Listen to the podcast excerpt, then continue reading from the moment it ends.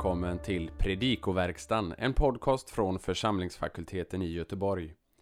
Timo Lato, lektor i Nya Testamentet, går här igenom kommande söndags episteltext till hjälp för dig som förbereder en predikan inför denna söndag eller för dig som är allmänt intresserad av att veta mer om episteltexten. På vår hemsida www.ffg.se kan du hitta information om hur du kan stödja fakultetens arbete för akademi och församling, bland annat som genom den här podcasten. Men nu en genomgång av söndagens episteltext. Vi önskar dig god lyssning. Jungfru Marie bebådelsedags episteltext är hämtad från Romarbrevets fjärde kapitel, verserna 18 till 21. Ett bibelavsnitt som betonar tro, Abrahams tro. Och vi har denna text på Maries söndag därför att vi inte firar Marias obefläckade avlelse. Inte heller hyser vi dogmen om Marias himmelsupptagande eller dogmen om Maria som medåterlöserska. Men Maria har en stor betydelse för oss som trons förebild. Och det är därför vi har på denna söndag Romarbrevets fjärde kapitel. Och där i vers 18 har vi i grekiskan ett uttryck par elpida, ep elpidi. Och det här är egentligen ett retoriskt stilmedel som kallas oxymoron. Det är en omöjlighet. Vi kunde översätta texten i respektive på grund av hoppet mot hoppet. Här ser vi denna omöjlighet. Det finns hoppet mot hoppet. Det finns hopp även om det inte finns hopp. Och det är Paulus som skriver så här om Abrahams tro. Och sen fortsätter han att Abraham såg på sig själv. Han såg på sin egen kropp som var utan livskraft, eller så som det står i grekiskan, hans kropp var död. I grekiskan har vi eh, detta äh, verb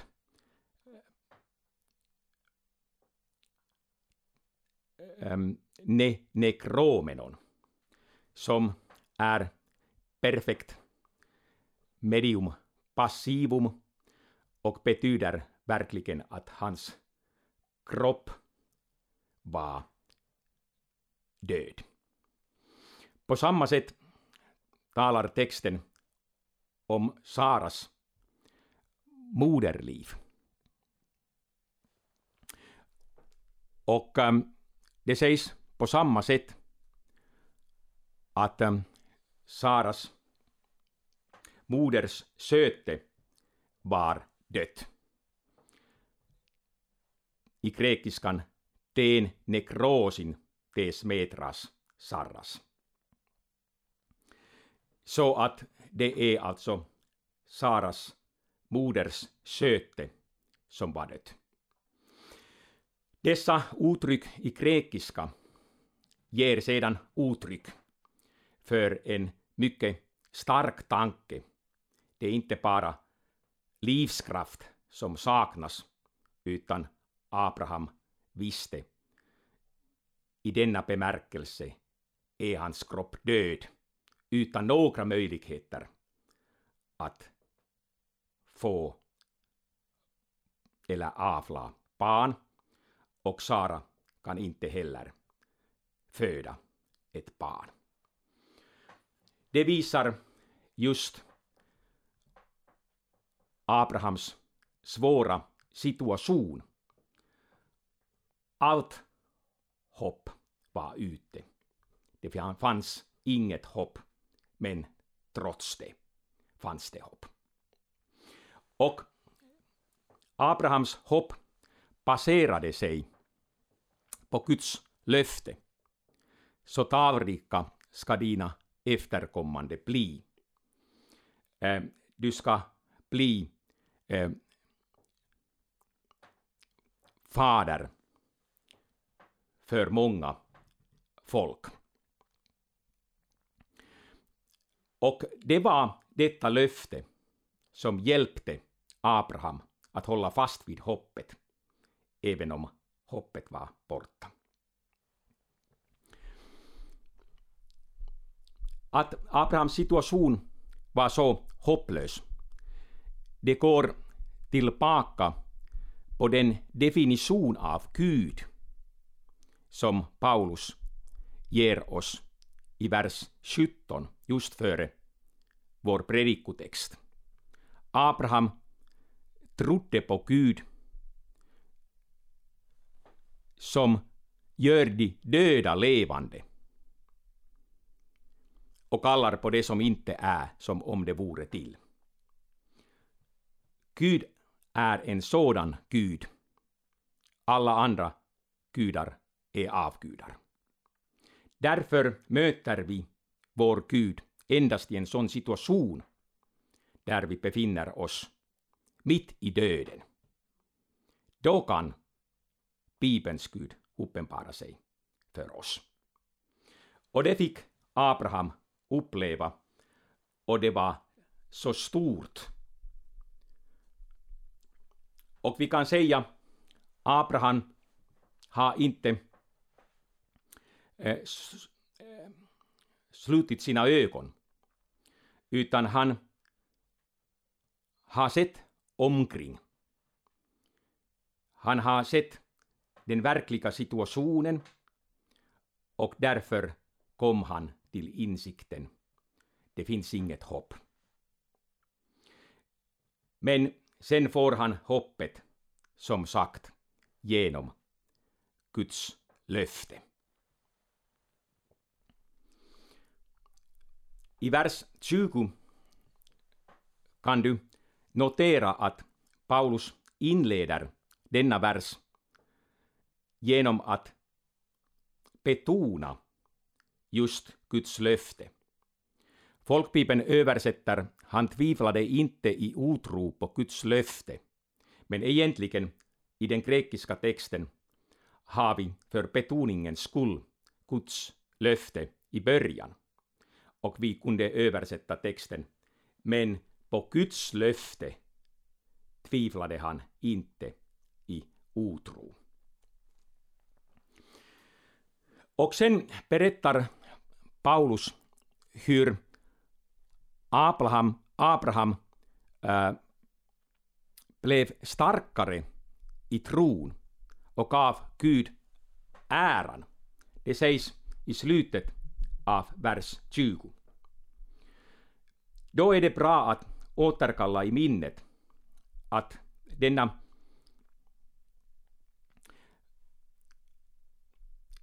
sak som nämns här, att ge Gud äran, det är något som är huvudtanken i hela Romarbrevet.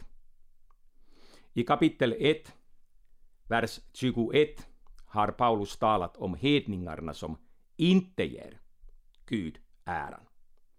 Och sen i kapitel 2, verserna 17 och 23 har Paulus talat om judarna som inte ger Gud äran. Och nu när han talar om trons förebild, Abraham, då berättas det att han gav Gud äran. Och det är meningen med vårt liv, att vi ska alltid ge Gud äran. Sen betonas det att Abraham inte tvivlade i otro. Och han blev starkare i tron. Och han var övertygad om att vad Gud hade lovat, det var han också mäktig att hålla. I vers 21. När vi sen alltså läser en sådan här text så får vi kanske intrycket att Abraham visade en heroisk tro. Han var alltså trons hjälte och han kunde producera en så stark tro. Han var helt övertygad om att Gud kan göra det som han har lovat. Och där skiljer han sig från oss. Varifrån får jag en sådan här stark tro? Men nu, om du ser på den grekiska texten, så kan du notera i vers 20 att vi har diekrite, diakrinomai, som översättas i vers 20, han tvivlade inte i otro. Men här har vi alltså aurist passiv. Och det betyder alltså att Abraham var passiv, men fick ändå genom Guds nåd denna starka tro. Och sen om du läser vidare så betonas det Abraham blev istället starkare i tro och i grekiskan har du åter aurist passiv en e dynamothe, det är pisthei. Så att Abraham var passiv, men han fick denna dynamis som ingår i verbet, denna styrka att tro. Och sen berättas det ännu i vers 21 att han var övertygad om att vad Gud hade lovat, det var han också mäktig att hålla. Och här ser du i den grekiska texten ett verb och en verbform, plero foreteis. Det kan vara svårt att översätta texten, men där har vi det grekiska verbet åter i aorist passiv. Och du ser att verbet består av plero i denna form som betyder ja, ähm, fullkomlighet eller fullkomligt. Och sen har du foretheis som egentligen betyder äh, bära. Äh, och vi kunde Eh, översätta eh, den här texten eh, på det viset att det betyder, ja, tyskarna skulle säga, folgetragen sein. Vi skulle översätta pleroforetes till svenska och ta, tala om att vara fullkomligt buren. Du kan tänka på möjligheten att simma i Döda havet. Ehm, om du simmar i någon sjö här i Sverige, då måste du kråla jätteaktivt. Du måste slå på vattnet med dina fötter och händer och försöka hålla huvudet utan vatten, utan, äh, för vattenytan. Men sen kan du ändå bli trött och ja, det är det som är förskräckligt. Du kan drunkna.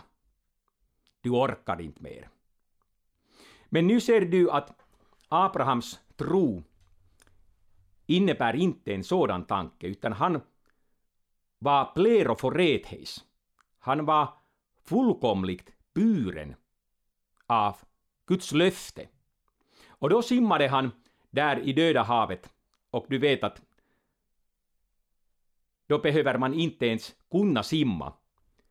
Man ändå kan simma, därför att äh, Döda havet innehåller så mycket salt att du kan simma där även om du inte kan simma. Och det är alltså tanken här att när du läser denna episteltext så ska du läsa det på grekiska. Och då märker du att det är fråga om passiva verbformer och det betyder då att Abraham inte är en hjälte, trons hjälte, utan han var en människa som du och jag, lika svag. Det var för honom omöjligt att sätta sin tillit till Gud. Det är just frågan om den situation som sades där i början. Allt hopp var ute, men ändå fanns det hopp i Abraham. Varför? Jo, därför att Abraham hade fått Guds löfte och Guds löfte har gett Abraham en starkare och ännu starkare tro. Och det var därför Abraham trodde och har satt all sin tillit till Gud. Det är alltså en tro som Maria också hade. Hon visste inte hur är det möjligt att hon blir havande eftersom hon inte visste vad, visste någonting om mannen. Men det var Guds löfte och Maria hade inget hopp. Men hennes hopp blir fullbordat på grund av Guds löfte. Och här ser vi alltså sammankopplingen mellan Maria och Abraham. Och till sist kan vi ännu notera att detta löfte som Abraham fick, att han ska bli fader till många folk. Att det är ett löfte som inte ens idag har blivit helt fullbordat. Utan fortfarande utför vi missionsarbete, missionerar och evangeliserar alla folk. Och sen på den yttersta dagen, då får Abraham uppleva att detta löfte som Gud gav honom, att det blir fullbordat på ett fullkomligt sätt. Men här behöver vi tro, och Abraham behöver tro, och Guds löfte förutsätter att vi tror på honom som säger så, även om det tar tid, mycket tid, även om det tar mer tid än dina livsdagar är. I varje fall kan du tro på Gud som är trogen sina löften. Må Gud välsigna dig genom tro på grund av Guds löfte. Så hoppas vi att denna genomgång får bli till hjälp och välsignelse för dig som har lyssnat. På vår hemsida www.ffg.se kan du hitta information om hur du kan stödja fakultetens arbete, bland annat som genom den här podcasten. Ett sätt att stödja är att skänka en gåva genom Swish. Församlingsfakultetens Swish-nummer är 123 100 8457. Alltså 123 100 8457. Mottagaren som anges är Peter Isak Bens utbildningsstiftelse. Märk gärna gåvan FFG Podcast om du vill stötta just denna podden. Så önskar vi dig allt gott och Guds välsignelse.